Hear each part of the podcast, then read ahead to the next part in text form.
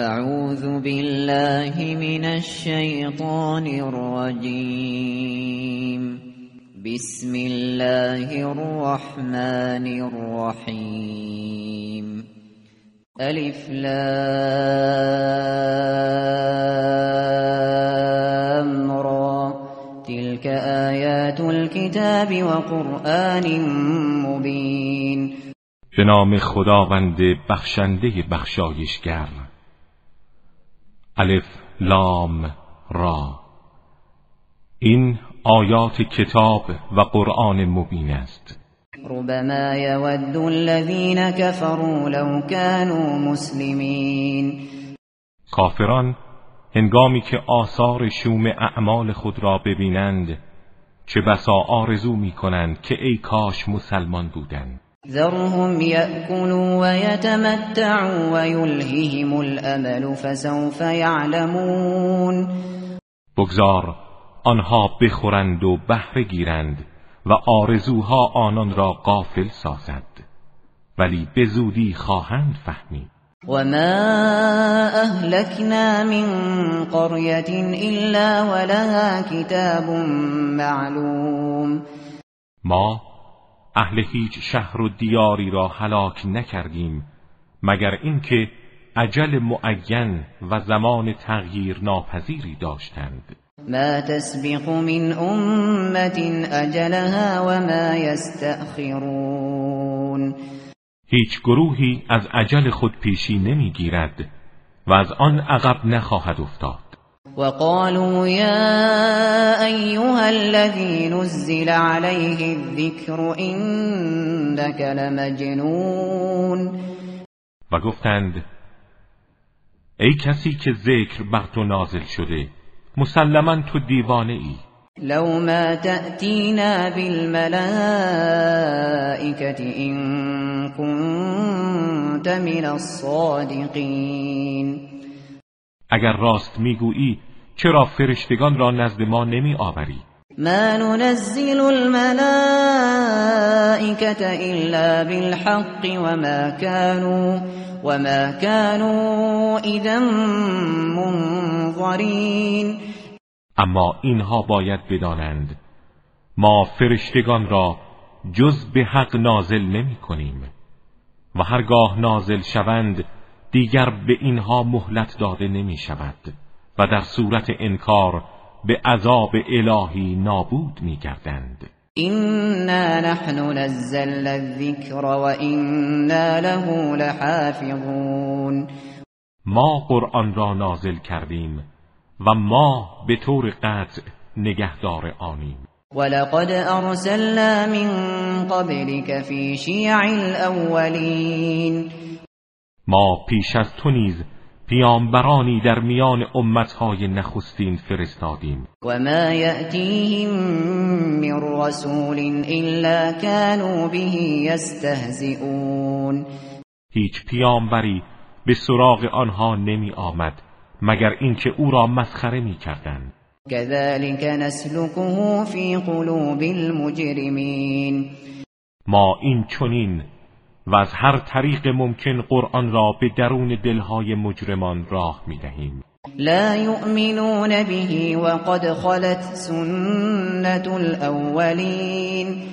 اما با این حال آنها به آن ایمان نمی آورند روش اقوام پیشین نیز چنین بود. ولو فتحنا عليهم بابا من السماء فظلوا فظلوا فيه يعرجون و اگر دری از آسمان به روی آنان بگشاییم و آنها پیوسته در آن بالا روند. لقالوا انما سكرت ابصارنا بل نحن قوم مسحورون.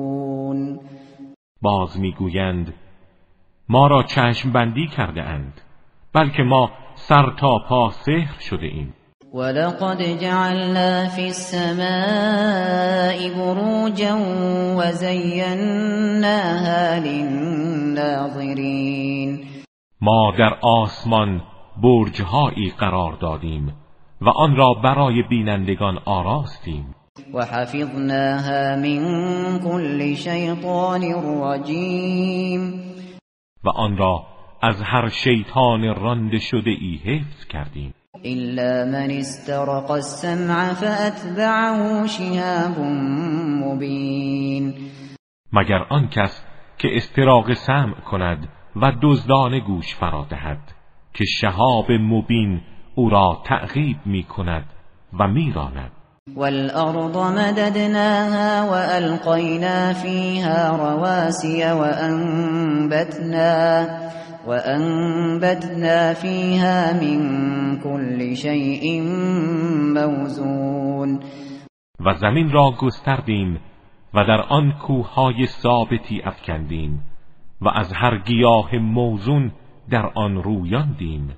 وجعلنا لكم فيها معايش ومن لستم له برازقين. و برای شما انواع وسایل زندگی در آن قرار دادیم. همچنین برای کسانی که شما نمی توانید به آنها روزی دهید.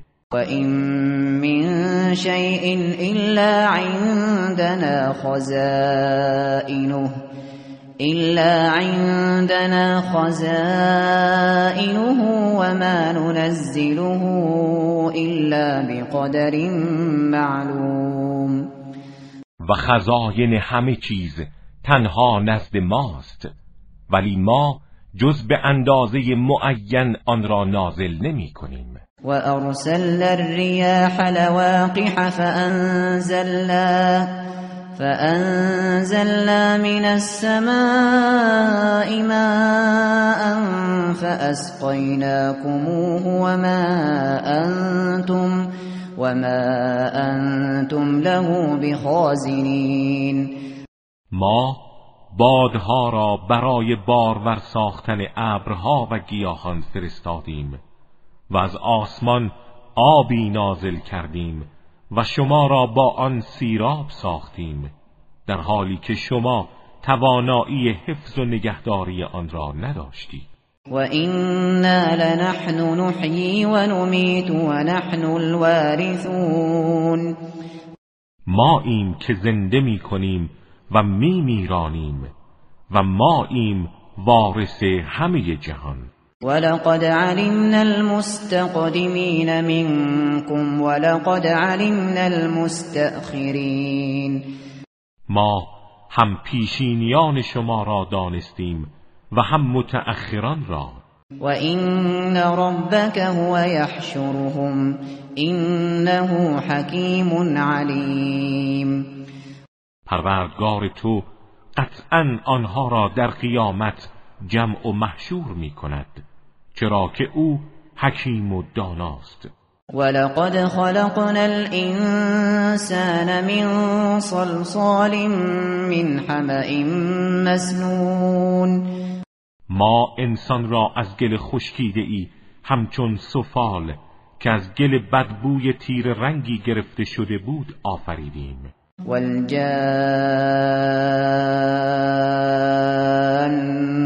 خلقناه من قبل من نار السموم. و جن را پیش از آن از آتش گرم و سوزان خلق کردیم. وَإِذْ قَالَ رَبُّكَ لِلْمَلَائِكَةِ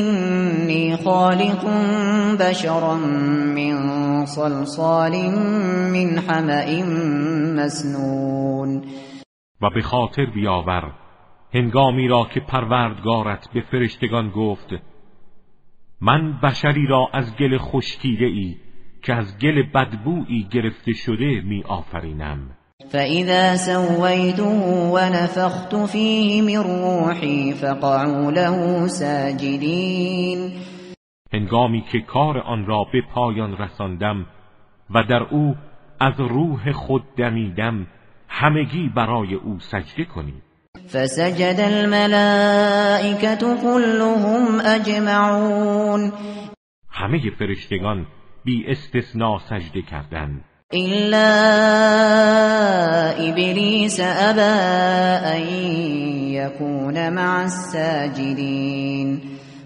جز ابلیس که ابا کرد از اینکه با سجده کنندگان باشد. قال يا ابلیس ما لك الا تكون مع الساجدين. خداوند فرمود ای ابلیس چرا با سجده کنندگان نیستی؟ قال لم اكن لاسجد لبشر خلقته من صلصال من حمأ مسنون. گفت من هرگز برای بشری که او را از گل خشکیده ای که از گل بدبویی گرفته شده است آفریده ای سجده نخواهم کرد. قال فاخرج منها فإنك رجیم. فرمود از صف آنها فرشتگان بیرون رو که رانده شده ای از درگاه ما. و این علیک اللعنت الى یوم الدین. و لعنت و دوری از رحمت حق تا روز قیامت بر تو خواهد بود. قال ربی فانظرنی الى یوم یبعثون. گفت پروردگارا مرا تا روز رستاخیز مهلت ده و زنده بگذار. قال فإنك من المنظرین. فرمود تو از مهلت یافتگانی. الى یوم الوقت المعلوم. اما نه تا روز رستاخیز بلکه تا روز و وقت معینی. قال رب بما اغويتني لأزينن لهم في الأرض ولأغوينهم ولأغوينهم أجمعين. گفت پروردگارا چون مرا گمراه ساختی من نعمتهای مادی را در زمین در نظر آنها زینت می‌دهم. و همگی را گمراه خواهم ساخت. الا عبادك منهم المخلصین مگر بندگان مخلصت را. قال هذا صراط علی مستقیم فرمود این راه مستقیمی است که بر عهده من است. این عبادی لیس لك عليهم سلطان الا من اتبعك من الغاوین که بر بندگانم تسلط نخواهی یافت مگر گمراهانی که از تو پیروی می‌کنند. و این جهنم لموعدهم اجمعین و دوزخ میادگاه همه آنهاست. لها سبعة ابواب لكل باب لكل باب منهم جزء مقسوم. هفت در دارد و برای هر دری گروه معینی از آنها تقسیم شده اند این المتقین فی جنات و عیون به یقین پرهیزگاران در باغهای سرسبز بهشت و در کنار چشمه ها هستند.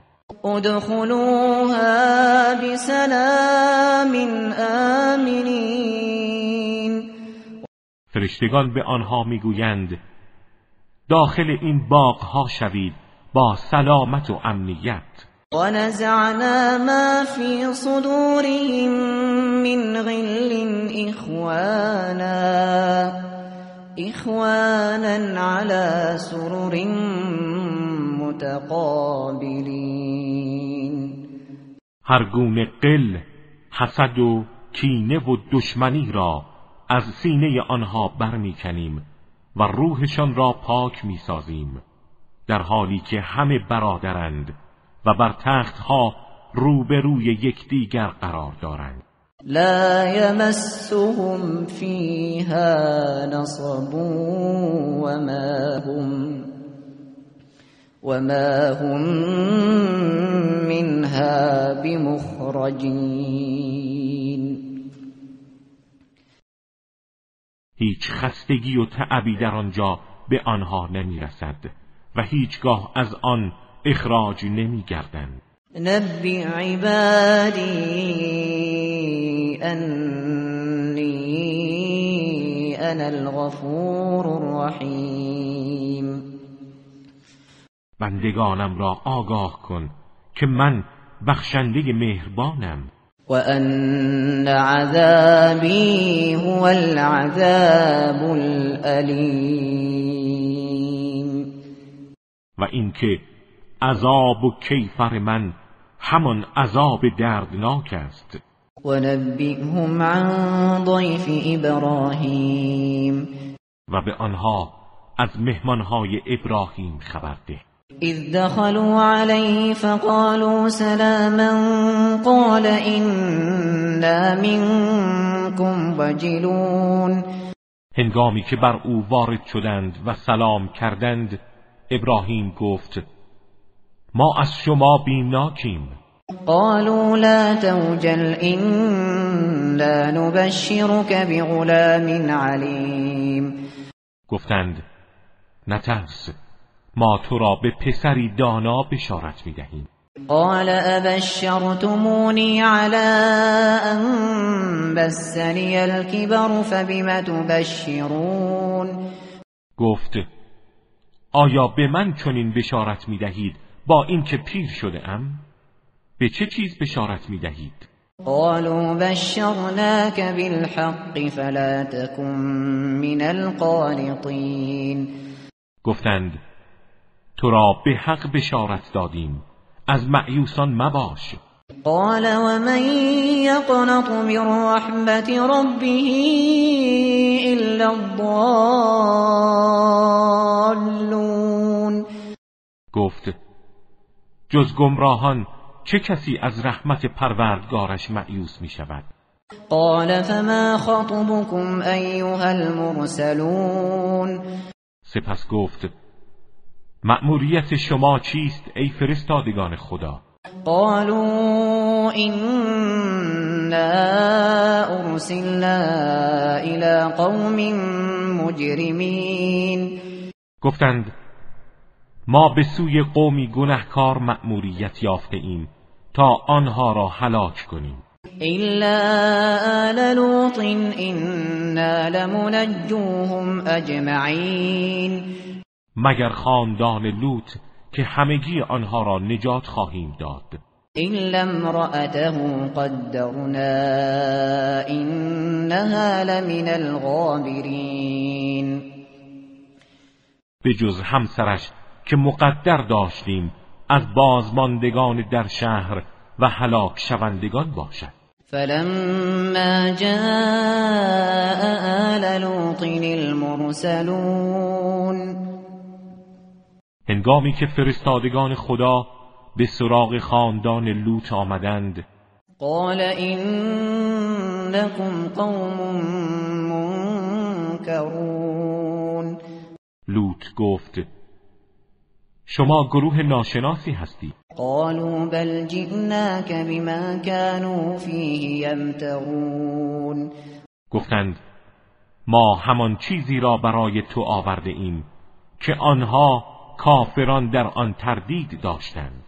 آری ما مأمور عذابیم. و اتیناک بالحق و اینا لصادقون ما واقعیت مسلمی را برای تو آورده ایم و راست می‌گوییم. فأسر بأهلك بقطع من الليل واتبع أدبارهم ولا يلتفت منكم ولا يلتفت منكم احد وامضوا حيث تؤمرون.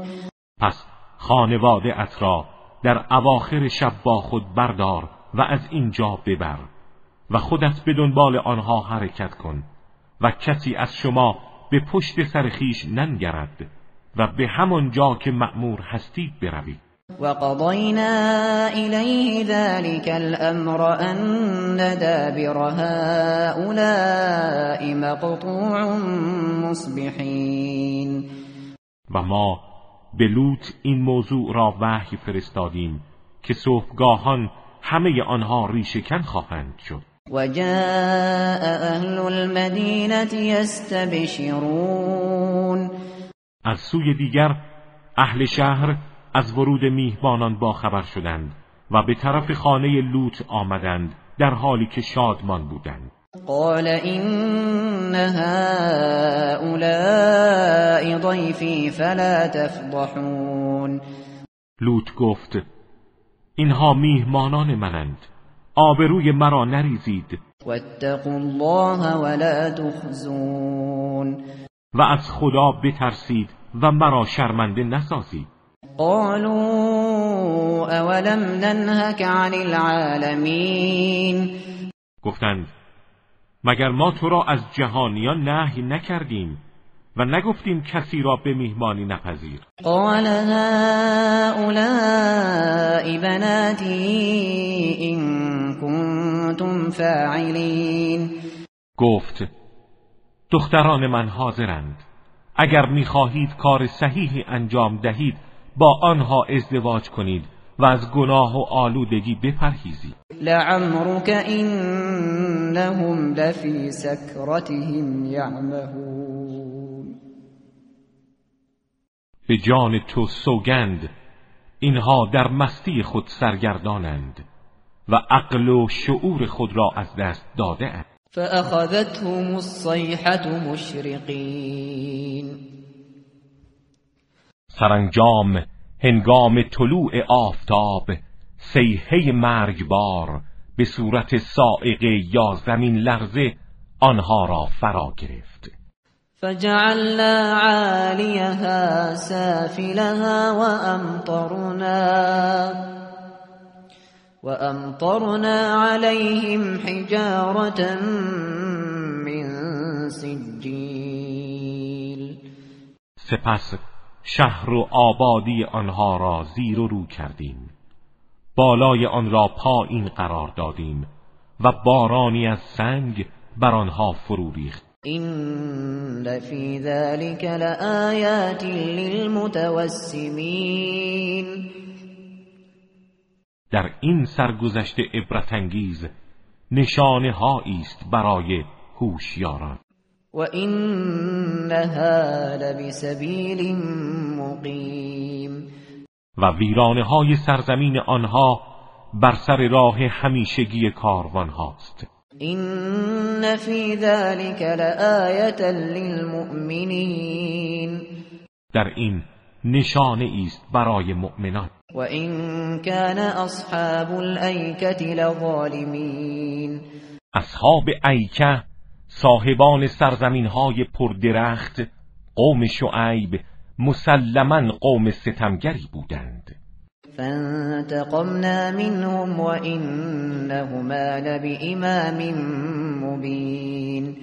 ما از آنها انتقام گرفتیم و شهرهای ویران شده این دو قوم لوط و اصحاب ایکه بر سر راه آشکاری است. ولقد كذب اصحاب الحجر المرسلین و اصحاب هجر قوم سمود پیامبران را تکذیب کردند.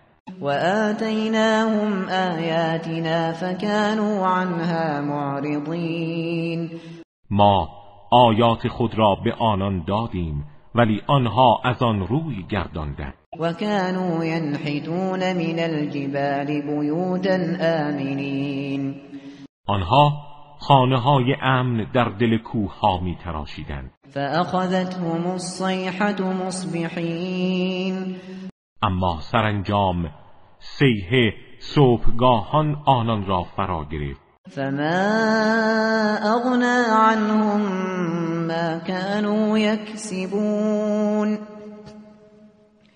و آنچه را به دست آورده بودند آنها را از عذاب الهی نجات نداد. وما خلقنا السماوات والأرض وما بينهما إلا بالحق وإن الساعة لآتية فاصفح الصفح الجميل.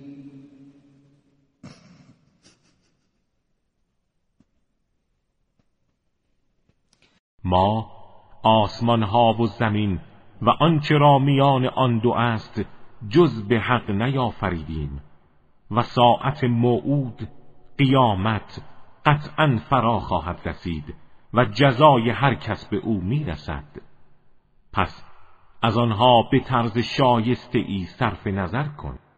این ربک هو الخلاق العلیم به یقین پروردگار تو آفریننده آگاه است. ولقد آتیناک سبعا.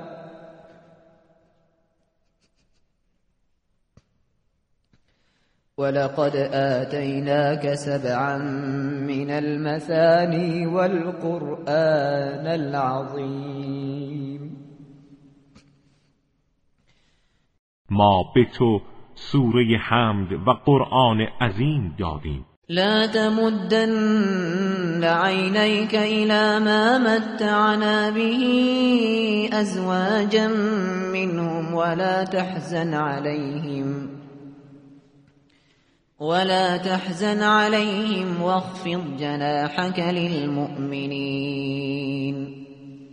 بنابراین هرگز چشم خود را به نعمتهای مادی که به گروههایی از آنها کفار دادیم میفکن و به خاطر آنچه آنها دارند غمگین مباش و بال عطوفت خود را برای مؤمنین فرو وقل إني أنا النذير المبين.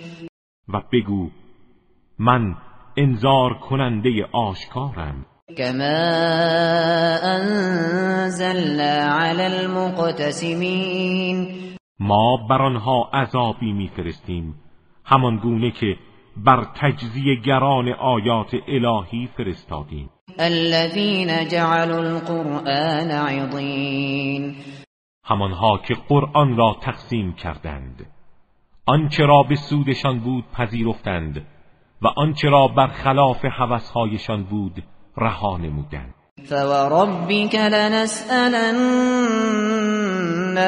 اجمعین به پروردگارت سوگند. در قیامت از همه آنها سؤال خواهیم کرد. عما كانوا يعملون. از آنچه عمل می کردن فاصدع بما تؤمر و اعرض عن المشرکین آنچه را مأموریت داری آشکارا بیان کن و از مشرکان روی گردان. اینا کفیناک المستهزئین ما شر استهزا کنندگان را از تو دفع خواهیم کرد. الذين يجعلون مع الله إلها آخر فسوف يعلمون. همانها که معبود دیگری با خدا قرار دادند. اما به زودی می‌فهمند. ولقد نعلم أنك يضيق صدرك بما يقولون. ما می‌دانیم سینه از آنچه آنها می‌گویند تنگ می شود و تو را سخت ناراحت می کنند فسبح بحمد ربك وكن من الساجدین.